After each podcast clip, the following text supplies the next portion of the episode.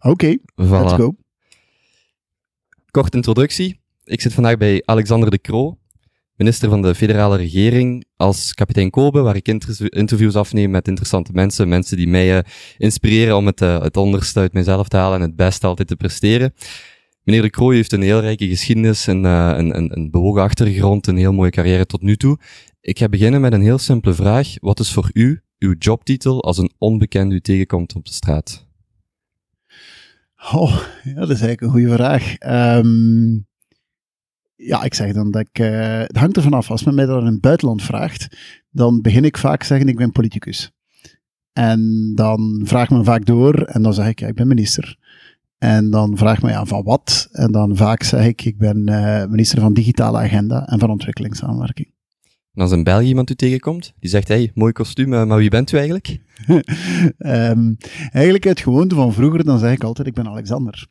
Want ik heb eigenlijk als, als, als kind, ja, ik had een vader, ik heb een vader die, die, ja, die, die wel veel mensen kennen. En dus, en ik heb ook een achternaam die niet zo vaak voorkomt. En dus ik had eigenlijk altijd de gewoonte om veel meer de nadruk te leggen op mijn voornaam dan op mijn achternaam. Omdat ik eigenlijk wel merkte dat heel veel mensen een oordeel over mij hadden, gewoon op basis van mijn achternaam, zonder eigenlijk echt te weten wie ik was. Dus ik leg meestal de nadruk op de, op de voornaam. Dus voilà, u bent, u bent Alexander en de mensen die interesse hebben, die vragen dan wel de rest Ja, zelf. die vragen de rest door. Of ik reken op u om de rest door te vragen. Oké, voilà. Ik ga gewoon meneer de Croo zeggen. Ehm, u bent dan eigenlijk als 18-jarige begonnen aan de VUB, handelsingenieur als ik me niet vergis. Ehm, was dat toen een logische keuze op dat moment? Wist u, wist u dat u die richting zou gaan uitgaan? Nee, eigenlijk wist ik het niet zo goed. Eh, ik, eh, ik heb altijd zeer graag wetenschappen en wiskunde gedaan. Dat was echt mijn, eh, echt mijn passie. Ehm, op het Atheneum heb ik ergens een, eh, een accidentje gehad. eh, in, in wiskunde-examen waar ik compleet de mist in gegaan ben. Ben uiteindelijk het jaar wel nog doorgegaan. Maar eigenlijk was de bedoeling om ingangsexamen burgerlijk ingenieur te doen. Eh, heb ik toen niet gedaan, omdat ik ja, toch echt wel alle zeilen moest bijsteken om zeker te zijn dat ik er, dat ik er zou door zijn. Ehm, en toen een beetje gekeken en een handelsingenieur leek me zoiets wat een beetje van alles was.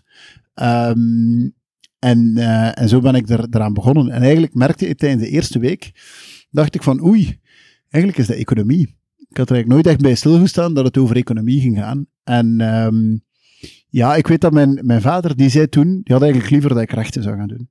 En ik weet dat hij toen heel motiverend tegen mij zei, eh, weet je Alexander, als je er niet door geraakt, dan kun je nog altijd rechten doen.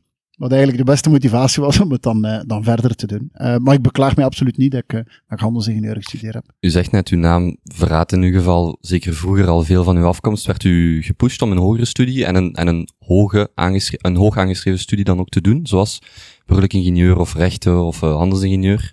Goh, mijn- ik, ik voelde wel dat mijn ouders graag zouden hebben dat ik, eh, dat, dat ik rechten zou studeren. Eh, maar ze voelden ook wel dat mijn interesse vooral in, in, in technologie zat, in, in, in, in, wiskunde zat, in cijfers zat enzovoort. Dus ze hebben me eigenlijk niet, niet, niet, niet zoveel gepusht. Ze hebben mijn zus iets meer gepusht. Die heeft dan wel rechten gedaan. Maar die heeft dan daarna gezegd, ja, nu dat ik rechten gedaan heb, nu ga ik kunstgeschiedenis studeren. Dus we hebben al twee een beetje onze, onze eigen wil erin gehad. We gaan tijdens het gesprek nog veel dieper ingaan op uw, op uw volledige traject. Ik ga u nu vragen, u bent nu minister van ontwikkelings, ik ga, ontwikkelingshulp of ontwikkelingssamenwerking? Ontwikkelingssamenwerking. ja. ontwikkelingssamenwerking van onder andere digitale agenda, post en ehm, er valt enorm veel onder uw bevoegdheid vandaag de dag. Maar hoe ziet uw gemiddelde dag of werkweek eruit? Oh. Los van, los van de actualiteit misschien, die natuurlijk Ja. heel eh, een groot impact kan hebben op uw agenda. Punt, punt 1, het, geen enkele dag is gelijk. Ehm, maar een aantal basisregels. Dus eh, de afspraak met eh, in ons gezin is dat ik twee keer per week de kinderen naar school probeer te brengen. Dus dat is dinsdag en donderdag breng ik hen naar de school en dan vertrek ik ja, rond 8.30 uur naar Brussel. Eh, de andere dagen vertrek ik een stuk vroeger. Vertrek ik normaal gezien rond kwart na zes om, eh, om voor het verkeer te, eh, te zijn. En dan is het eigenlijk heel divers. Eh, vaak eindigt de dag wel met eh, ja, ergens te gaan spreken, een beetje eh, te landen. En dat doe ik eigenlijk super graag. Daar, daar haal ik eigenlijk het meeste, het meeste voldoening uit. En daarnaast is het ehm, ja, een stuk in het parlement aanwezig zijn, rond wetgevend werk. Ehm, toch wel wat interne meetings om, om ja, voldoende aansturing te kunnen krijgen en geven aan, aan mensen in mijn kabinet. En dan superveel mensen ontmoeten eh, en af en toe een interview doen, zoals nu. in hoeverre voelt u dat uw impact, dat u zelf als persoon doorweegt op het beleid of binnen die bevoegdheden? Want ik kan me voorstellen dat onder u een, een heel aantal mensen staan die het, het praktische of het uitvoerende werk doen, op welk niveau dan ook. Merkt u echt, kan u uw eigen stempel doordrukken? Zit u niet zogezegd in een gouden kooi, maar merkt u echt dat u een verschil maakt van hieruit? Ja, ik, ik vind van wel. Uh, maar, maar bo, het oordeel zal zijn op het einde van de legislatuur, zal men zeggen van ja, bo, uh, wat heb je nu gedaan eigenlijk op die vier of op die, uh, die vijf jaar? Wat ik wel merk, is dat in het domein digitale agenda, kan je dat toch redelijk goed doen. we zijn nu een jaar en een half bezig. We hebben een open, open data wetgeving gestemd die bijzonder vooruitstrevend is. We hebben het systeem van Tech Shelter uitgewerkt om startende ondernemingen te kunnen, uh, te kunnen helpen. Uh, dus je begint na een jaar en een half te zien dat een aantal zaken in actie beginnen te komen. Op het gebied van ontwikkelingssamenwerking um, leggen we nieuwe accenten, maar daar zijn de termijnen langer. Omdat je natuurlijk werkt rond uh, ja, projecten die je ter plaatse, en dat is dan vooral in, in, in Afrika, gaat, uh, gaat doen. En ja, de aanlooptermijnen zijn daar gewoon, uh, zijn daar gewoon langer. Um, maar ik, ik, uh, ik vind wel dat je er kunt in slagen om, om, om je nadruk, uh, om je nadruk te, te leggen. Maar het is echt wel ja, duwen en trekken elke dag om, om dingen in beweging te krijgen. Dat is waar, ja. Ik heb u zien spreken op de Tech Startup Day, die door Startups.b uh, werd georganiseerd, heb ik u ook aangesproken. Um, en daar heeft u dan een, een korte keynote uh, van 20 minuten, denk ik, gegeven. En die hele zaal, bepaalde momenten, zat, zat dan mee te applaudisseren voor de, de doelstellingen die u gezet had en dan ook bereikt had. Haalt u daar dan uw voldoening uit? Absoluut, ja. Er is eigenlijk niks liever dat ik, uh, dat ik doe dan um, eigenlijk op een podium te gaan staan. Um, en liefst, wat ik eigenlijk het liefste doe, is een, is een stukje te vertellen.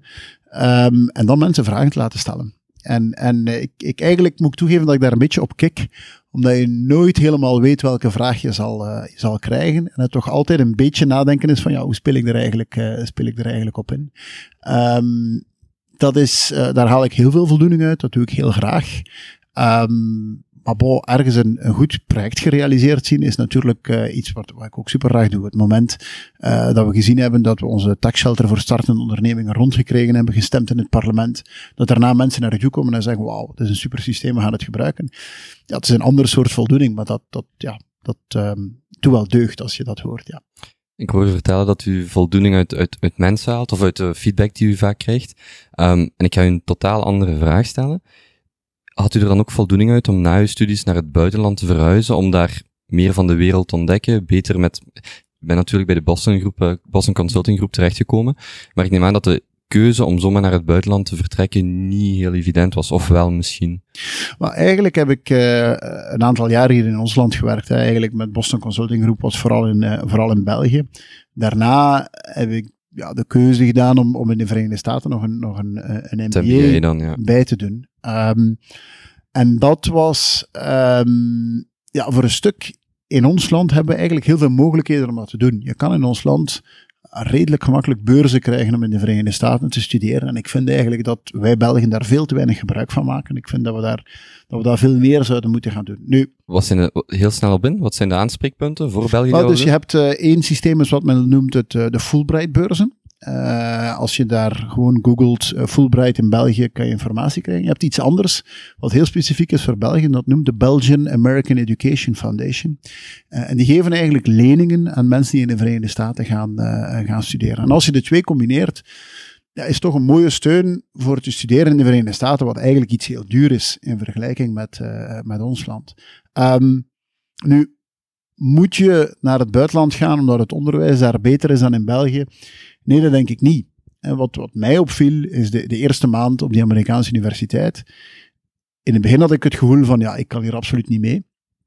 Maar na een tijdje merk je eigenlijk dat wij technisch minstens even goed zijn. Vaak zelfs beter. Wat we wel missen, is dat soort uh, assertiviteit, de soort uh, kritische geest om vragen te stellen, om jezelf meer naar voren te schuiven enzovoort. Dat hebben we hier een stuk minder, vooral in Vlaanderen hebben we dat minder. En daar haal je altijd wel iets uit als je dat, als je dat gaat, uh, gaat doen.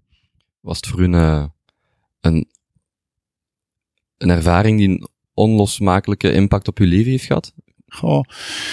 Um, Onlosmakelijk is, is, een, is een grote term ja, misschien. is een om, grote term, ja. maar ik denk, allee, ik, ik hou wel van het, het verhaal dat uh, Steve, Jobs, Steve Jobs ooit eens verteld heeft, ik denk op Stanford, hè. ik weet niet of je die speech kent, het Connecting the Dots verhaal. In 2005 ja, of zo. en dat vind ik wel een mooi verhaal. Eigenlijk zegt hij van, kijk, om te even wat je doet, je gaat er altijd iets uithalen. En, en ik vind dat wel een goede filosofie. Uh, wat ik in de Verenigde Staten gestudeerd heb, heeft me dat geholpen. Natuurlijk zou ik uh, zonder dat niet kunnen. Ik denk dat dat moeilijk te zeggen is. Uh, ik denk wat ik op de VUB gestudeerd heb, heeft mij voor een stuk ook gemaakt. En dus ik denk dat je moet proberen om gewoon zoveel mogelijk verschillende ervaringen te doen.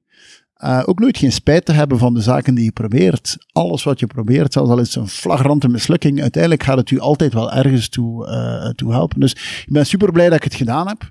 Um, is het een must-have dat je moet doen? Nee, dat denk ik niet. Maar ik denk wel, en, en dat vind ik dat je um, mensen moet aanzetten om gewoon heel veel verschillende dingen te proberen. Om een beetje buiten je eigen comfortzone te gaan. En dat was het wel. Het studeren in de Verenigde Staten was echt buiten mijn eigen comfortzone gaan. En dat heeft mij wel, ja, ik denk dat ik er wel iets uitgehaald heb, ja. En is de vraag dan ook van u gekomen of van de, van de groep of van de werkgever? Nee, is mijn, mijn, nee, het was eigenlijk echt iets wat ik wou doen. Ja. Uh, ik, uh, ja, ik had er wat met mensen gesproken die het gedaan hadden. En uh, nee, ik wou het dolgraag doen.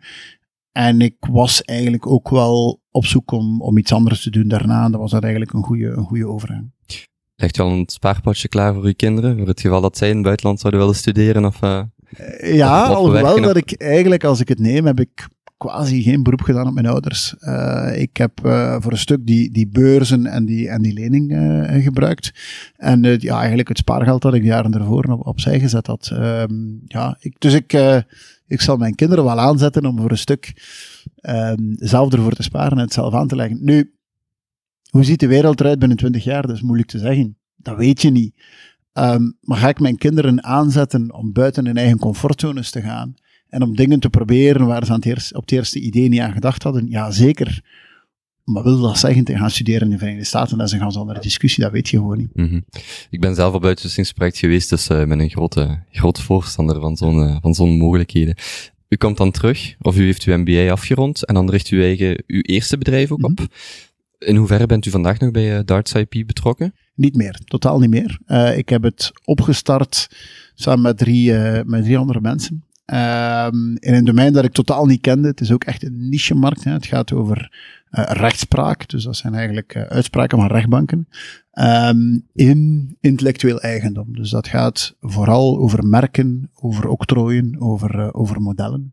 Uh, ik ben geen jurist, hè, dus ik kende daar eigenlijk weinig van. Ik heb me daar voor een stuk in. Zij doen eigenlijk het, het, onderzoek naar, als ik het goed begrepen heb, het onderzoek naar um, welke patenten er gehouden worden of welke patenten mogelijk uh, in conflict zouden lopen. Maar eigenlijk gaat het zelfs nog iets verder dan dat. Eigenlijk is het vooral als er een conflict is tussen twee intellectuele rechten, dan zoekt men vaak naar uitspraken van rechtbanken die ja, uw these ondersteunen of uw these uh, niet ondersteunen. En, en uh, dat is een, eigenlijk een mondiale markt. Um, en dus dat soort zaken gaan opzoeken uh, op een manier die veel verfijnder is dan het klassieke free text search. Dat is eigenlijk waar wij, uh, waar wij rond werken. Um, ik vond het absoluut een boeiend, boeiend iets om het te doen. Dat was echt, um, het was mijn baby. Uh, we zijn het begonnen met vier mensen in één kamer in mijn appartement dat ik toen had in, in, Brussel. we hebben een tijdje gekampeerd op mijn appartement, dan zijn we verhuisd naar naar een, een klein, een klein bureau het moment ja, dat ik voelde, bon, uh, politiek neemt toch wel wat uh, de bovenhand. Um, ik, heb eigenlijk, ik vond dat een van de moeilijkste beslissingen die ik ooit genomen heb. Uh, namelijk om op dat moment te gaan zeggen, ja weet je, ik stap er nu toch wel uit. Um, en toen hadden we al drie, vier mensen in dienst. En ik had echt tranen in mijn ogen. Allee, ik vond dat echt een zeer, zeer moeilijk moment. Ik heb er geen spijt van. Maar op het moment zelf was het echt een moeilijke keuze om eruit te stappen. Was het dan ook een start-up, gelijk wij vandaag de dag een start-up zouden definiëren? Of ziet u ah, het is een, ja, het is eigenlijk een start-up zoals je het vandaag zou definiëren. Het enige verschil is dat we geen extern kapitaal uh, aangenomen hebben. uh, dat we nagedacht hadden rond een businessmodel waar je eigenlijk redelijk gemakkelijk uh, financiering kreeg, gewoon op basis van de, van, van de omzet. Um, dus we zaten niet in het typische circuit van de, de venture capital investeringen uh, enzovoort. Maar eigenlijk ook altijd ervoor gekozen om een beetje onder de radar te blijven, omdat het ook zo'n niche product is. Het is echt een product voor uh, ja, een heel, heel beperkt segment aan, uh, aan klanten. Um, ik heb een paar jaar uh, Hans Europa afgereisd om onze klanten, namelijk advocaten, te gaan aanspreken, demonstratie te geven van het product en het te verkopen. En ik weet dat toen een aantal van mijn vroegere collega's zeiden van, allee, uh, je nu verkoper geworden? en uh, ik lachte toen altijd een beetje. Ik zei van, ja, je gaat dat nooit begrijpen. Uh, verkoper zijn van je eigen product is eigenlijk een van de mooiste dingen die je kunt doen. De voldoening die je eruit haalt als je je product verkocht krijgt, ja, dat is een, een onbeschrijfelijk gevoel. Plus, ja, je leert je klanten heel goed kennen en het is eigenlijk de beste manier om, om, om in te spelen op, op wat de verwachtingen van klanten zijn alles wat u daar geleerd heeft, nam je dan mee naar uw, naar uw tweede carrière. We gaan het niet te veel over, over die naam en over politiek hebben. Um, ik ga u wel vragen, was Open VLD voor u direct een, een, een logische keuze om dan bij aan te sluiten of uw carrière te starten te maken? Ja. U mag eerlijk maar, zijn, maar, hoor. het is tussen ons twee. Ja, ja. Um, het blijft zeker tussen ons twee. Um, ja, hoewel je natuurlijk voor jezelf ook moet toegeven dat het voor een stuk gestuurd is door de omgeving waar je opgroeit. Ja, ik ben, ben opgegroeid met een, met een vader die uh, uh, politiek actief was, het vandaag nog altijd is. Um, en, en bij mij thuis ja, werd er over twee dingen gesproken aan tafel. Uh, over mijn vader over politiek en mijn moeder als advocaat. En, en dat waren de twee onderwerpen waar altijd over gesproken wordt. Dus ja, ik ben opgegroeid in een liberale omgeving. En ik geef toe, ik heb er mij niet tegen verzet. Um, en ja, ik geloof dat ik geloof in individuele vrijheid. En ik geloof dat als je mensen vrijheid geeft, dat ze over het algemeen goede dingen gaan doen. Um, en dat de mens per definitie niet antisolidair is. Dat als je de mensen vrijheid geeft, dat ze ook wel elkaar gaan, uh, elkaar gaan bijstaan als het, uh, als het nodig is. Dus het is, niet, het is nooit echt een discussie geweest in, welke, in de richting van welke partij. Want het is op zijn minst opmerkelijk dat u eigenlijk met weinig ervaring in de politiek het dan toch zo ver, zo snel geschopt hebt. Is er in die aantal jaren dat u nu uh, in de politiek zit, een beslissing waarvan u zegt, die had ik liever, zou ik kunnen, dan zou ik hem terugdraaien, of die had ik liever niet genomen? Nee, ik denk eerst, als je zegt weinig ervaring, dus juist. Maar ik heb dat altijd als mijn voordeel gezien. Ik, ik, uh, ik heb het altijd als een voordeel gezien, het feit dat ik tien jaar iets ganz anders gezien en gedaan heb ervoor uh, gaf mij een, ja, een stuk ervaring die ik meenam. En ten tweede heeft mij ook altijd een soort uh, onafhankelijkheid gegeven. Het idee van, kijk, ik doe politiek doodgraag en, en ik doe het zolang ik dingen verwezenlijk kan krijgen. Maar bon, de dag dat het voorbij is, dan is het voorbij. En, en dat beslis ik niet zelf. Hè. Dat hangt gewoon af van verkiezingen. En uh, ja, de dag dat het voorbij is, dan zal ik iets, zal ik iets anders gaan doen. Dat, je moet daar een beetje een, beetje een afstand kunnen van, uh, van houden. Anders kom je in een situatie van afhankelijkheid terecht. En dat is denk ik in politiek geen, mm -hmm. uh, geen goede zaak. Ben, um, ben... Over beslissingen die ik zou terugdraaien. Nee, eigenlijk niet. En eigenlijk past dat een beetje in, in wat ik daar juist zei over um, het feit dat je, dat je eigenlijk geen spijt moet hebben van de beslissingen die je neemt. Ik denk de beslissingen die je neemt, die neemt je op basis van wat je dan wist. En op basis van, van, ja, van het gevoel dat je er dan rond dat en de informatie die je op dat moment had. Uh, vijf jaar later zegt men vaak, ja, maar had je geweten dat? Ja, dat is waar, maar dat wist je op dat moment niet. Mm -hmm. En dus ik vind dat je daar een beetje, dat je, je moet een verschil maken tussen de juiste beslissing nemen en de juiste uitkomst hebben. Dat zijn twee verschillende zaken. Misschien een kleine zijvraag. Heeft u het gevoel gehad van, daar ben ik misschien te naïef geweest? Ik kan me voorstellen dat u in een volledig andere omgeving komt. Mm -hmm. En dat u dan ineens in de politiek komt, dat soms mensen nog te naïef of te veel geloven in het goede of de goede intenties van anderen. Ja. Heeft u daar ergens dat u zegt, ja, dat, ik bedoel, geen specifieke situatie, maar is dat iets wat u heeft moeten leren dan? Want ik neem aan dat, dat de business en politiek in dat opzicht toch nog, toch nog een verschil zijn. Dat is juist. Dus het is een, het is een absoluut een verschillende manier van werken. Uh, in de zin dat je in principe, als je vooral in een start-up zit, ja, is het echt iedereen alle neuzen in dezelfde richting. Hè. Je trekt allemaal keihard in dezelfde richting. En, en in politiek is dat anders natuurlijk. Hè. Binnen een regering heeft iedereen een beetje zijn invalshoek. En zelfs binnen een partij, ja, we zijn, we zijn niet allemaal klonen van elkaar. Um, nu, ik heb eigenlijk altijd graag een stukje naïviteit willen behouden. En het woord naïviteit klinkt waarschijnlijk wel zwaar, maar ik wil graag eigenlijk blijven werken met het idee dat uh, over het algemeen de mensen het wel goed menen. Um, en dat we op zoek zijn om goede dingen te doen. En af en toe gaat je eens mijn gezicht in de muur daardoor. Maar dat vind ik niet zo erg. Ik heb veel liever van zonder achterdocht te kunnen werken. En af en toe eens een slechte ervaring te hebben, dan continu met achterdocht te moeten denken. Dat is niet iets dat eigen is aan, uh, aan mij. En er zijn anderen in de partij waar ik goed mee samenwerk, die vaak veel sceptischer zijn dan ik. En op dat gebied, uh, als we goed samenwerken met elkaar, dan houden we elkaar in evenwicht. Is er een... Nee, ik ga daar... Ik, ik vind uw uitleg fantastisch. Ik ga een vraag stellen die, die ik van iemand heb doorgekregen. U bent nu uh, vooral met het digitale bezig. Het valt onder uw bevoegdheid. Dus uh, uh, overal waar dat het over digitaal en ondernemerschap en start-ups gaat, bent u bij betrokken als, als minister. Een vraag die ik van iemand kreeg is, uh, ziet, u, ziet u, of wat is uw visie over de onderlinge groeiritmes in België? Bijvoorbeeld uh, West-Vlaanderen dat misschien iets meer achterop hinkt, um, Antwerpen, Gent, Brussel die tegen elkaar strijden voor de beste start-up stad. Hm. Als dat waar een Corda campus staat en heel die regio opboomt, ziet u nog verschillen in België? Hoe was uw visie naar de toekomst toe voor België als volledige start-up cultuur of als, als, als voedingsbasis ja. voor die digitale ondernemers? Ja, de, de, de goede zaak is dat je ziet dat de voorbije twee jaar onwaarschijnlijk veel in beweging gekomen is. En, en, en dat vind ik, uh, vind ik mooi. En, en, ook in Brussel. Hè, je sprak over de Vlaamse steden, maar ook in Brussel is er, is er enorm veel in beweging gekomen. Um, nu, dus niet alleen hier. Hè. Doorheen Europa, overal is er onwaarschijnlijk veel in beweging en is een goede zaak. Eigenlijk waar, waar mijn bezorgdheid het meest naartoe gaat, is naar de, ja, de soort klassieke KMO die we in ons land hebben. En die klassieke KMO, die stelt zich nu de vraag van, ja, wat is hier eigenlijk aan het gebeuren?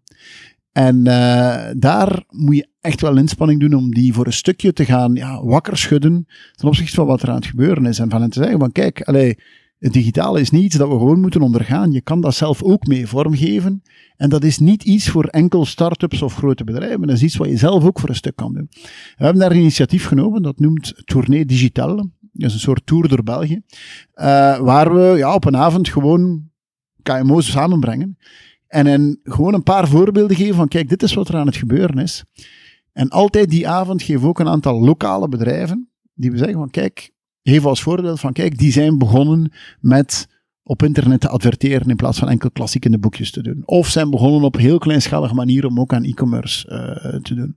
En ik denk dat dat belangrijk is. Dat je dat je, je klassiek KMO-weefsel voor een stuk sensibiliseert wat er aan het gebeuren is. Want dat is voor je start-up omgeving ook zeer belangrijk. Want die mensen ja, gaan dan vaak aankopen bij start-ups, staan er ook een stuk, stuk opener voor. En daar in ons land zijn we op dat gebied toch, ja, we zijn niet, um, we zijn niet de snelste in, in adoptie van technologie of een, of een uh, soort, uh, ja, de, het grote voorbeeld te zijn. En daar, daar wil ik wel veel inspanning in steken, want daar maak ik wel een beetje zorgen ik, over. Ik, ik, weet niet meer wie het mij vertelde, maar hij zei, het ging over uh, um, um, Near Field Communication, dus betalen met de smartphone bijvoorbeeld.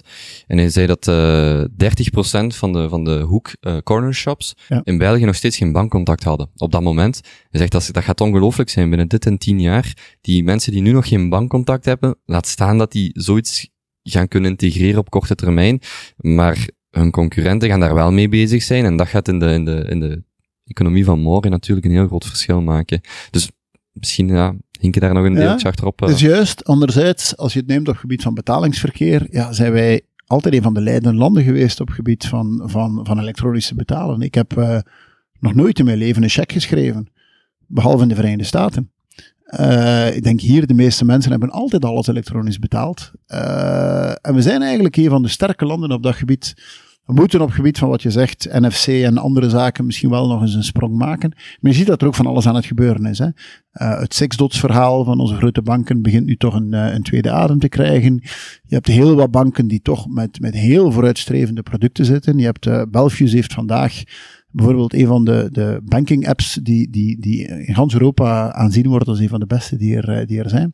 Dus we moeten, denk ik, soms ook een beetje meer fier zijn op wat we hebben. We hebben in ons land onwaarschijnlijke troeven, maar we zijn in ons land absoluut geen meesters in onszelf in de markt te zetten en, en in misschien een beetje ambitieuzer te zijn. Hè. Ik denk daar, de Nederlanders zijn daar vaak een stuk beter in dan ons. En dat is een deel van wat ik ook wil doen, hè. Is, is te tonen dat we gewoon niets meer, um, iets meer durf en ambitie moeten hebben. Mhm. Die tournee digitaal die u net aanhaalde, bestaat dat nog? Dat, dat Ja, we hebben eh, intussen ongeveer een, een twintigtal, eh, twintigtal evenementen gedaan. Eh, we hebben er in de komende weken nog verschillende, verschillende gepland. Je kan, trouwens de data daarvan kan je zien op de, op de website Digital Belgium. Daar staan ze allemaal mooi, mooi opgelijst. En het is iets wat we doen samen met Unizo, VOCA en het VBO. We hebben hen eigenlijk in beweging gekregen om te zeggen, ja jongens, we moeten echt wel een inspanning doen om, ehm, om mensen in beweging te krijgen. Het is echt ja, wat men in het Engels zou noemen grassroots. Hè. Het is echt eh, ja, tussen 80 à 200 mensen in de zaal. Ehm, maar het is, vind ik wel belangrijk om het te doen. En van wie kwam het initiatief? Het initiatief kwam van ons. Ah. Eh, wij, hebben, wij hebben dat eigenlijk op poten gezet. Eh, zonder budget trouwens. Dus het kost niks. Ik had er ook geen budget voor. En ik overtuig gewoon de lokale Unizo's en de lokale VOCA's om te zeggen, kijk, organiseer dat op een avond. En de receptie moeten jullie betalen. Maar ik zorg ervoor dat er mensen zijn die komen spreken en dat we, dat we een interessante avond hebben om mensen wat te inspireren. Naar uw eigen toekomst gekeken? Ehm, terwijl ik door mijn vragen aan, aan, aan mijn voorbereiding aan het doen was, dacht ik, ja, meneer de Kroos nog altijd maar 41, als ik mij niet vergis. 40, ja. Of 40? Ja. Van 25, ja, juist. 75. Ja, ja, inderdaad. Ik word 41. U. U wordt 41, inderdaad. Voelt u, heeft u het gevoel dat u al politiek op een plafond zit? Dat u, want u zit- bent eigenlijk op heel jonge leeftijd al enorm gegroeid. Botst u tegen een plafond op? Of waar ligt de volgende stap voor u? Mo- Moeilijk te zeggen. Ehm, ik, ik doe doodgraag wat ik, wat ik nu doe. En, en ik, vind dat dat, ik vind dat dat een vraag is die je zelf af en toe moet stellen. Is, eh, is dit nu echt de droomjob in mijn leven? Is dit nu echt de job die ik het liefste doe in mijn leven? En eigenlijk ben ik al twee keer van gedacht veranderd van wat mijn dro- droomjobs zijn. Toen ik begon, dacht ik dat eh strategieconsultant zijn, dat dat hut van hut was. En na een tijd heb ik gemerkt dat het interessant was, maar dat ik misschien toch andere dingen had waar ik naar uitkeek. En, en daarna was een eigen onderneming hebben hetgeen waar ik altijd naar uitgekeken heb. En ja, vandaag is, is wat ik doe echt het, ik zie niet goed in waar ik meer voldoening zou uithalen dan dit. Nu, ga ik misschien ooit nog van gedacht veranderen over waar ik voldoening uithaal? Dat kan best wel zijn. En, en ik vind dat je zelf moet blijven in, eh, in, in, in vraag stellen op dat gebied. Ehm, ik ben in een domein terechtgekomen. Digitale agenda, daar heb ik altijd wel een passie voor gehad. Ontwikkelingssamenwerking was absoluut niet iets waar ik dacht dat is wat ik, wat ik wil doen. Ehm, en uiteindelijk ben ik in een domein gekomen dat eigenlijk boeiend is en dat echt mijn, mijn blik op de wereld eh, verbreed heeft. En een domein waarin we ja, toch ook wel een stukje een evolutie moesten hebben naar de wereld van vandaag. En niet de wereld van de jaren, eh, van de jaren 70. Maar what's next? Dat weet niemand. Weet niemand. Wat mij nu spontaan te binnenvalt, weet u uw persoonlijkheidstype? Want als ik, u, als ik het zo inschat, u zit altijd op een, op een hoog niveau. Ja. Altijd op een, op een complexe omgeving, of toch een stressige omgeving, maar compleet, allee, van consultant, ondernemer, politiek, toch tot de relatief verschillende domeinen. Ja. Weet, weet u zo uw, uw persoonlijkheidstype? Kijk, ik ben, ehm, en dat is misschien verrassend, maar in essentie ben ik eerder een introvert. Ehm, maar ik ben een introvert die geëvolueerd is. En, en, maar in essentie, dat weet ik van mezelf, dat ik er nog altijd een beetje, een heel klein beetje eh, ben. Ehm, ik weet wel van mezelf dat ik zeer goed om kan in een, in een ambiguë omgeving. Uh, ik kan goed om met chaos. Ik kan goed om met druk en met, en met deadlines. Um, en ik kan mij zeer snel inwerken in iets en, en proberen heel snel te begrijpen hoe iets, uh, hoe iets in elkaar zit. Dat, zijn mijn, dat weet ik dat dat soort omgeving iets is waar ik goed kan gaan. En dus je zegt, ja, je hebt heel veel verschillende dingen gedaan. Ja, dat is juist. Maar eigenlijk als consultant en als ondernemer en als politicus, eigenlijk is dat toch een beetje dezelfde soort. Er zit een beetje een lijn. Ja. Het is een beetje dezelfde soort, uh, dezelfde soort omgeving. Ik vind ook trouwens dat ondernemer zijn en politicus zijn, dat er enorm veel gelijkenissen zijn. Uh, als ondernemer, in het begin vooral, ben je eigenlijk toch grotendeels bezig het product dat je verkoopt als ondernemer in het begin is veel meer uzelf dan het product. Uw eerste klanten gaan vertrouwen hebben in u als persoon. Mm -hmm. En daarna eerder het product. Ja, in het begin weten we allemaal dat het iets is dat in opbouw is.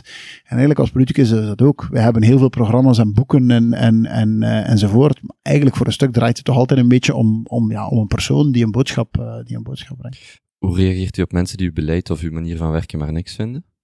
Ja, dat hoort erbij. Hè. Uh, als, als je niet tegen kritiek kunt, dan moet je niet, moet je niet in, in, in politiek gaan. Ik heb eigenlijk altijd in een omgeving gezeten waar ik bijzonder veel, wat men dan noemt, feedback gekregen heb. Uh, toen ik bij BCG werkte, Dus om de twee à drie maanden krijg je een stevige sessie waar men zegt, oké, dat doe je niet slecht, maar dit zijn de dingen waarop je moet verbeteren enzovoort. Ik heb altijd de, de, de, in een omgeving gezeten waar ik heel veel ja, uh, feedback noemt het het dan, maar eigenlijk is vaak ook kritiek gekregen heb. Dat hoort ook samen met, uh, met, met, met politiek. Een beetje de regel die ik altijd genomen heb, is um, als iemand kritisch is tegenover mij, en het is iemand waar ik naar opkijk, ja, dan raakt mij dat wel. Dan denk ik van, wow, als die persoon kritisch is, dan ja, oké, dan moet ik echt, moet ik echt goed mee opletten. Um, ja, mensen die gewoon, dit, wat er op de, op de discussiefora van hln.be staat, ja, dan moet je niet beginnen lezen, omdat je weet dat dat gewoon een uitlaatklep is. En, en, en, en dat, is, dat doet niet zoveel, uh, niet zoveel ter zake. Ik denk wel dat het belangrijk is dat je nog kunt geraakt worden door politiek. Het, het slechtste wat je kan doen, is dat je een soort robot wordt. En dat is denk ik een van de moeilijke dingen in politiek eigenlijk. En als je goed aan politiek wilt doen, moet je een zekere emotionaliteit behouden.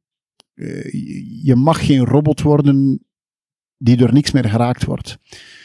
Maar je emotionaliteit is anderzijds ook je vijand, omdat het iets is onder druk van heel harde kritiek kun je soms een beetje emotioneel reageren. Dus dat is eigenlijk een evenwicht. Maar de dag dat je een soort robot wordt met een olifantenvel, ja, dan ben je eigenlijk slecht bezig. Ja. U zegt net uh, mensen waar u naar opkijkt. Is er een collega uit het buitenland waar u naar opkijkt of die u wel interessant vindt? Ah, goh ja. In het, in het binnenland heb ik, ik heb altijd zeer sterk... Nee, nee, nee, alleen maar in het buitenland. Ja, laat mij nadenken over het, uh, over het, uh, over het buitenland. Um, nu, ik, ik wou je eigenlijk niet onderbreken als u zegt... Nee, nee, maar ik ben aan, aan, aan, aan nadenken wie, uh, waar ik het meest naar opkijk. Kijk, als, ik heb altijd enorm veel opgekeken naar een, een ondernemer als Richard Branson. Hij was meer als ondernemer omdat hij echt die, die drang heeft van we gaan de gevestigde waarden uh, doen bewegen en we gaan markten waarin het er niks meer beweegt. Daar ga ik als challenger in komen en alles in beweging brengen. Ik, ik hou wel van zijn, zijn brani en, en zijn gevoel van kijk, ik neem, uh, ik neem nooit nee voor een antwoord en ik ga altijd uh, door. Daar heb ik altijd zeer sterk naar, naar opgekeken. Um, ik, ik hou wel van Obama, zijn, zijn retorisch talent. Ah, ik, ja, ik vind dat hij dat, dat, hij dat onwaarschijnlijk goed doet. Alhoewel hij duidelijk ook wel zijn zwaktes heeft als je, als je kijkt naar de voorbije, naar de voorbije jaren. Um, en ja, andere politici in Europa. Goh ja, ik, ik, ik heb nooit zo bekeken. nooit zo gekeken van, ja, dat is mijn grote idool. Um, maar ja, ik kijk wel naar wat er in het buitenland gebeurt. Hè. Van alle mensen, los van politiek, of inclusief politiek, uh, die er nog rondlopen, wie zou je graag nog willen ontmoeten? Ah. Um, ja, ik wil eigenlijk wel eens een keer um, een kwartier kunnen babbelen met die man van, uh, van Uber, Travis Kalanic, denk ik noemt hij. Dat wil ik, uh, ik heb hem al eens ik heb eens samen in een zaal gezeten met hem, maar hij was compleet, uh, compleet omringd door mensen, dus ben ik niet zo, uh, niet zo ver geraakt. Um, Dan zegt u wel, hi, I'm the prime minister, of de, de, de vicepremier, ja. of, of de, de, de um. Vice prime minister, ja. Ik weet niet of dat veel indruk op hem wil maken, eerlijk gezegd.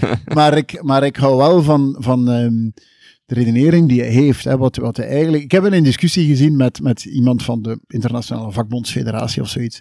En ik vond wel de manier waarop hij uitlegde was wel heel sterk. Waar hij eigenlijk zei van, ja, maar allez, jullie vakbonden, jullie hebben zoveel goede dingen gedaan.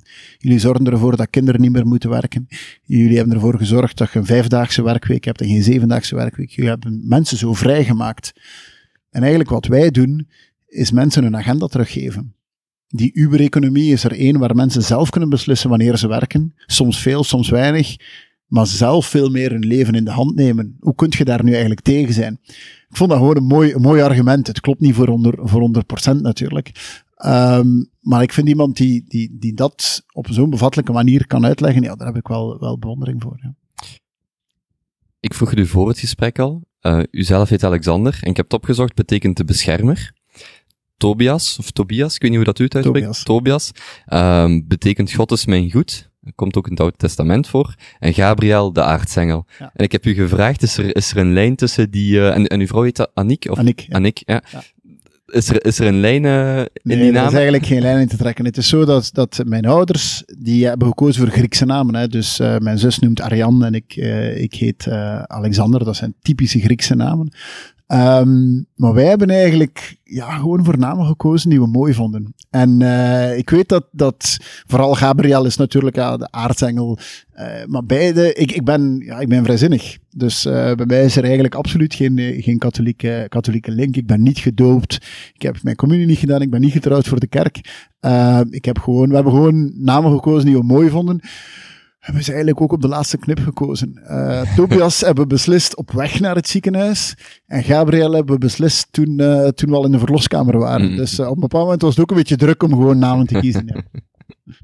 Ja. um, um, ik, ik ga nog één laatste vraag stellen over die, over die dan kom ik terug, en daarna kom ik terug op uw persoonlijk leven. Um, u lijkt heel erg ambitieus, wel overwogen en zeker van uw zaak ik zou u willen vragen, als u zelf kan inschatten, hoe ver staat u op de carrièreplanning die misschien de 18-jarige Alexander de Croo had, of de 25-jarige? Ik neem aan dat u daar toen al mee bezig was, of nee, daarover... Eigenlijk niet. Nee, maar u zal wel eens hebben nagedacht over hoe zou mijn toekomst eruit zien. Ja. En, wel, en, en hoe ver ik, staat u dan misschien al? Ja, maar dat vind ik eigenlijk een interessante, eh, zeer interessante vraag. Ik vind dat... Um, ik vind dat je niet te lang, zeer, niet te veel zeer lange termijn plannen moet hebben. Ik vind dat je voor een stuk moet openstaan ten opzichte van wat er gebeurt in de, uh, in de wereld. Um, ik heb als 18-jarige gezworen dat ik nooit van mijn leven politiek zou doen. En toen ik 30 was, zei ik dat nog altijd. Um, en als ik daar nu op terugdenk, dan is de hoofdreden waarom ik dat zei, dat was omdat mijn vader politicus was. En dat ik absoluut niet wou doen wat mijn vader wou doen. En, en voor een stuk is dat ook wel begrijpbaar. Maar ik had het wel meer in mij dan ik het wou, dan ik het wou toegeven eigenlijk. Um, en uh, ik vind mensen die, die een, een, echt een lange termijn planning hebben, vind ik eigenlijk een beetje saai.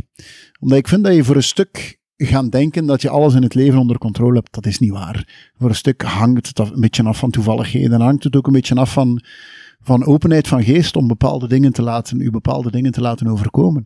Uh, was ik bij mijn idee gebleven als 18-jarige dat ik nooit politiek zou doen, ja, dan, dan had ik dit nooit, uh, uh, nooit gedaan. En voor een stuk is het omdat vrienden mij soms zeiden van ja, maar je zegt altijd dat je geen politiek wil doen. Maar als ze met u spreken, je spreekt over niet anders. En dat heeft mij dan voor een stukje doen nadenken en, en mezelf een beetje in vraag doen stellen. Dus ik vind dat je eigenlijk redelijk open moet staan. Nu, um, hoe ambitieus was ik als, uh, als 18-jarige? Als 18-jarige wist ik echt niet zo goed wat ik ging gaan doen. Als 3, 24-jarige wist ik wel dat ik ooit mijn eigen bedrijf wil hebben. Dat, dat wist ik wel dat was iets wat, voor een stukje in mij zat. Uh, maar zou ik toen gezegd hebben dat ik politiek zou doen? Nee, zeker niet. En, en uh, wat is mijn plan voor de komende tien jaar? Um, ja, ik doe vandaag doodgraag wat ik doe. En ik wil er zeker uh, beter in worden en, en, en, en mee voor ons stuk ons land moderner maken. En, en een land zijn waarin dat je mensen meer kansen geeft en waarin dat we meer mensen vertrouwen in plaats van mensen wantrouwen. Allee, dat vind ik belangrijke dingen voor een, uh, voor een samenleving. Uh, maar het is aan mij te zien of ik er iets kan, iets kan realiseren, want dat blijft toch een beetje de maatstaf. Welke raad geeft u 24-jarige zelf dan mee? Als u kon ah, teruggaan? ik denk de, de, kijk, ik denk dat uh, um, eerst en vooral denk ik dat je in de keuze van wat je studeert, je moet iets studeren wat je graag doet. En dat klinkt misschien heel dwaas. Maar ik vind wel dat het belangrijk is dat in, wat je studeert, dat je er probeert goed in te zijn. Proberen iets goed te doen, proberen het beste uit jezelf te halen in iets, ja, vind ik wel belangrijk. En dat ga je veel gemakkelijker doen in iets wat je graag doet, in iets waar je een passie voor hebt, dan in iets waar, je, waar je absoluut geen interesse in, uh, in hebt. En wat je studeert, is misschien wel belangrijk, maar het belangrijkste is dat je probeert goed te zijn in wat je, uh, wat je gestudeerd hebt. Ik vind ook dat je moet proberen, ja, soms eens dingen te proberen waarvan je denkt, goh, daar voel ik me eigenlijk niet op mijn gemak in. Deed u dat dan niet voldoende, of zou u dat meer hebben gedaan? Ja, ik zou dat, ik, als ik dat nu terugneem, zou ik dat op de VUB meer gedaan hebben. Mm -hmm. uh, toen ik in de Verenigde Staten gestudeerd heb, heb ik mij toen wel geforceerd om het meer te doen. Om meer dingen te doen waar ik eigenlijk niet goed in was. Ik geef één voorbeeld. Er was een soort, was een studentenclub, dat was een studentenclub die aan uh, improvisatie deed. Hè? Dus een soort improv. Hè? Je gaat op een podium gaan staan. In de Verenigde Staten. Dat was in de ja. Verenigde Staten. En ik was toen een stuk introverter dan ik nu ben. En het was in een andere taal die ik toch niet helemaal onder controle had. ik heb gezegd, ja, ik wil dat doen. En in het begin was het echt moeilijk. Ik had het daar super moeilijk mee. Maar ik heb daar een beetje mezelf buiten mijn eigen, eigen grenzen proberen uh, te gaan. Ik vind dat je dat soort dingen wel moet, uh, moet doen. Kijk, hoe erg is het van ergens, ergens in te mislukken? Eigenlijk niet zo erg. Uh, diegene die, diegene, meestal degene die het zal opvallen, zal enkel jezelf zijn. Um, dus ik vind dat je jezelf daar een beetje moet in, in pushen eigenlijk. Stel een 30-jarige man, een bediende, heeft een een, een 1500 euro netto in de maand, ik zeg maar een, een, een gewoon loon. En die heet toevallig Alexander de Croo in een ander leven, waar zou die dan actief zijn? Ah. Uh, het is een vraag van een luisteraar, dus... Uh, dus uh, wat bedoel je, actief zijn buiten stel, mijn, mijn, beroep? Of, Stel, ik zeg alleen Alexander de Croo, 30 jaar oud, heeft een gewone bediende job. Ja. Met alle respect voor de gewone -huh. bediende job. Waar ziet u die werken? Ah. Um, ik weet dat de, in ieder geval in in, een, in een omgeving waarin je, um, waarin je de ruimte krijgt om dingen te proberen. Dat vind ik het voornaamste. En ik vind, ik vind eigenlijk nieuwsgierigheid een, een belangrijke eigenschap. Uh, je moet kunnen dingen in vraag stellen, je moet kunnen dingen proberen, je moet kunnen ja, de vrijheid krijgen om, om, om niet altijd gewoon identiek de zaken te doen, om het soms eens op een andere manier te kunnen, uh, uh, te kunnen proberen. Um, ik wil wel in een organisatie, zij het een bedrijf of, of een andere organisatie zitten, waar ik het gevoel heb van, ik sta daar 100% achter en ik, ik, ja, ik draag dit mee uit dat vind, ik, dat, dat vind ik in mijn ogen belangrijker dan het, dan het loon dat eraan, uh, dat eraan vasthangt. Dus ja, welk type bedrijf of welke organisatie is, dat weet ik niet. Maar het moet wel iets zijn waar ik, waar ik achter sta. Ja. Het klinkt wel als de situatie waar u vandaag de dag in zit. Ja, eigenlijk wel. Ja. bent u gelukkig man? Ja, ja ik, ben ik, ben een, uh, ik ben een gelukkig man. Ik heb eigenlijk de, de, sinds de nu politiek sinds 2010. Um, ik denk dat ik zelden opgestaan ben met het idee van, goh, hier kijk ik echt niet naar uit vandaag. Um, Misschien die dag dat u naar die Rupo ging om te zeggen dat dat toch niet zou lukken. Ja, maar dat was uh, altijd met het idee van, ja, dit wordt een moeilijke boodschap, maar we zien wel, uh, we zien wel daarna. um, ja, ik, ik, uh, nee, ik doe dit, ik doe dit doodgraag, maar eigenlijk, allee, je moet ook eerlijk zijn, ik mag dit doen, hè. En, ja, en het is een onwaarschijnlijk voorrecht om dit te mogen doen. Uh, je mag dit doen, uh, maar je moet er ook wel iets tegenover zetten. En, en kijk, de dag dat men zegt, weet je, uh, het is niet meer voor u, het is tijd voor iemand anders, dan, dan zal ik mij er ook bij neerleggen. Ik denk dat dat de logica zelf is en het is een ongelooflijk voorrecht om dit te mogen doen. Mm -hmm. Ik heb nog een aantal vragen, een aantal snelle vragen. U kan daar uh, zo snel of zo, zo uitgebreid op antwoorden als u wilt. Um, Behalve een citytrip of een, uh, of een romantisch diner, uh, hoe ziet uw ideale romantische avond met uw partner eruit? um, ja, ik hou wel van. Um, ik hou van een, een goed gesprek aan tafel. Um, en, en ja, dat is het eigenlijk. Uh, of ja, een, een, een, wandel, een, wandeltocht. Of, of misschien een laatste ding is eigenlijk Um, wat wij do doodgraag doen, is gewoon in een stad beginnen stappen. En, en ja, voor een stuk op ontdekking gaan in een stad. En, en nadenken van, tja, waar zit ik nu en wat zou er hier kunnen zijn? En, en voor een stuk, ja, gewoon het ontdekken, het ontdekken van een stad vind ik, vinden we beide wel Als ik een tip mag geven, ga naar Hamburg. En ja. ik heb al aan mensen, ik heb er een jaar gewoond, al aan mensen aangeboden, ik rij mee, je regelt daar je doen en ik geef je één dag een volledige rondleiding in Hamburg, want dat is een fantastische stad en een romantische stad. Oké. Okay. Kijk, dat is een goede tip. Voilà. um, heeft u een favoriet historisch figuur? Goh. Uh,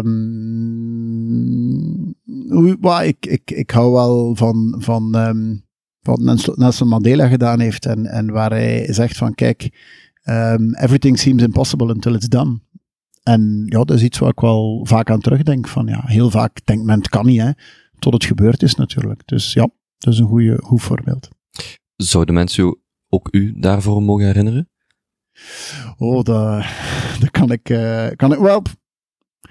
Dat, dat zou u ma, u een beetje verwaand zijn van dat te zeggen, maar ik wil één, één voorbeeld nemen. En oh, dat is natuurlijk een zeer politiek voorbeeld, maar men zei toen altijd dat grote BHV-probleem, dat krijgen we nooit opgelost. Mhm. En heeft men toen, ook toen de regering gestopt is, zei men van, ja, je krijgt dat toch nooit opgelost. Ja, we hebben het wel opgelost. Hè. En, en het is het beste voorbeeld dat als je op een bepaald moment zegt, kijk, we gaan dat gewoon doen, dat het wel degelijk mogelijk is om dat te doen. Welk boek moet iedereen volgens u gelezen hebben? Eh goh, goede vraag. Ehm dit is een boek dat ik, dat ik, goh, wil ik echt wel van hou. En het boek noemt Guns, Germs and Steel. Het is niet zo'n bekend boek. Maar eigenlijk legt Van? het uit... Goh, ik ben, de, ben de, de auteur vergeten, maar het is Guns, Germs and Steel. En het boek legt uit hoe het komt dat bepaalde beschavingen zich, zich ontwikkeld hebben op, op hoe komt het dat West-Europa zich op een bepaald moment snel ontwikkeld heeft en op een bepaald moment China zich sneller ontwikkeld heeft. En eigenlijk zegt de titel hetzelfde. Dus de titel zegt het, ja, het heeft vaak met wapens te maken. Dit heeft vaak te maken met, ehm, met planten en met, met hoe men biologie is gaan, eh, gaan besturen. En het heeft voor een stuk te maken met industrialisering. Weet u toevallig de Nederlandse vertaling? Als er iets Nee, is? ik zal het dus... eh, Nee, omdat ik, ik heb dus een boek van iemand gekregen, een vrij dik, en het, het zit over, eh, in de titel stond ook paarden, en het gaat exact over de, de, er zijn wel meer boeken met paarden in de titel, Ja. maar exact over dat wat u nu vertelt, en over de ontwikkeling van bepaalde stromen, van bepaalde geschiedkundige evenementen. Maar oké. Het ik legt had- bijvoorbeeld uit dat er maar 7, 8 dieren zijn die je kan gebruiken voor huishoudelijk gebruik. En dat voor een stuk legt ook uit waarom geografisch gezien op bepaalde plaatsen mensen zich sneller gaan ontwikkelen zijn, omdat ze toegang hebben tot paarden, koeien enzovoort.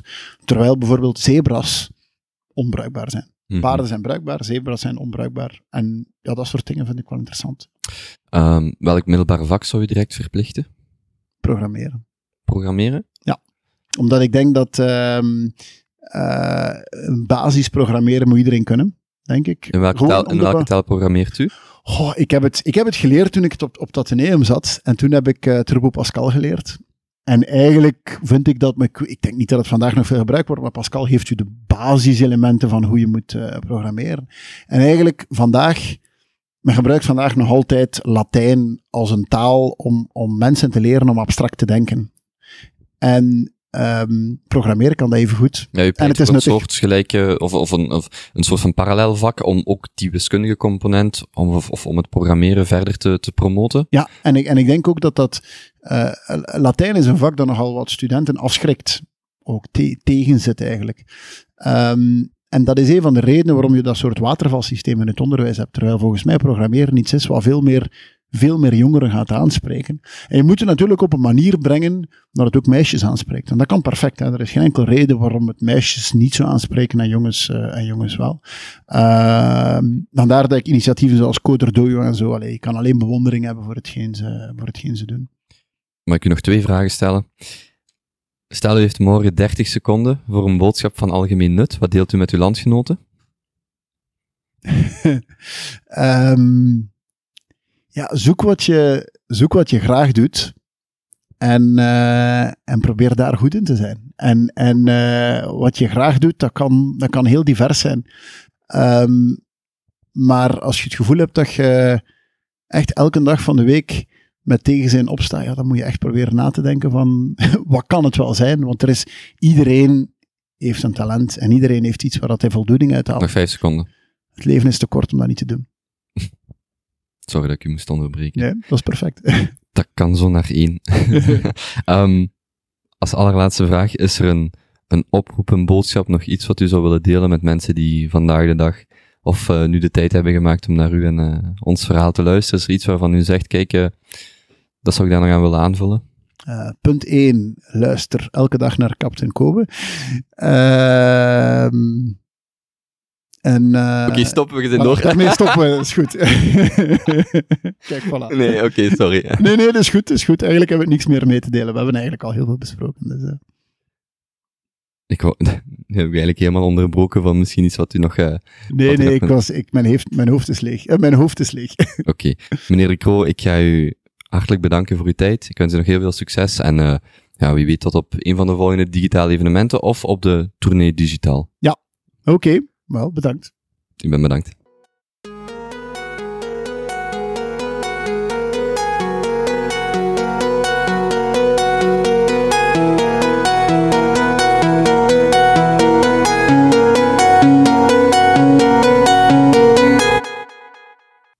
Als je deze aflevering interessant vond, zijn er verschillende manieren om de podcast te steunen.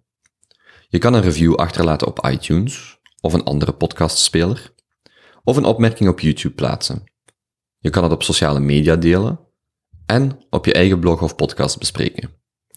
Je kan de show ook rechtstreeks steunen op kobevanreppelen.be slash steun. Je vindt me ook op Twitter, at Kobe van Reppelen.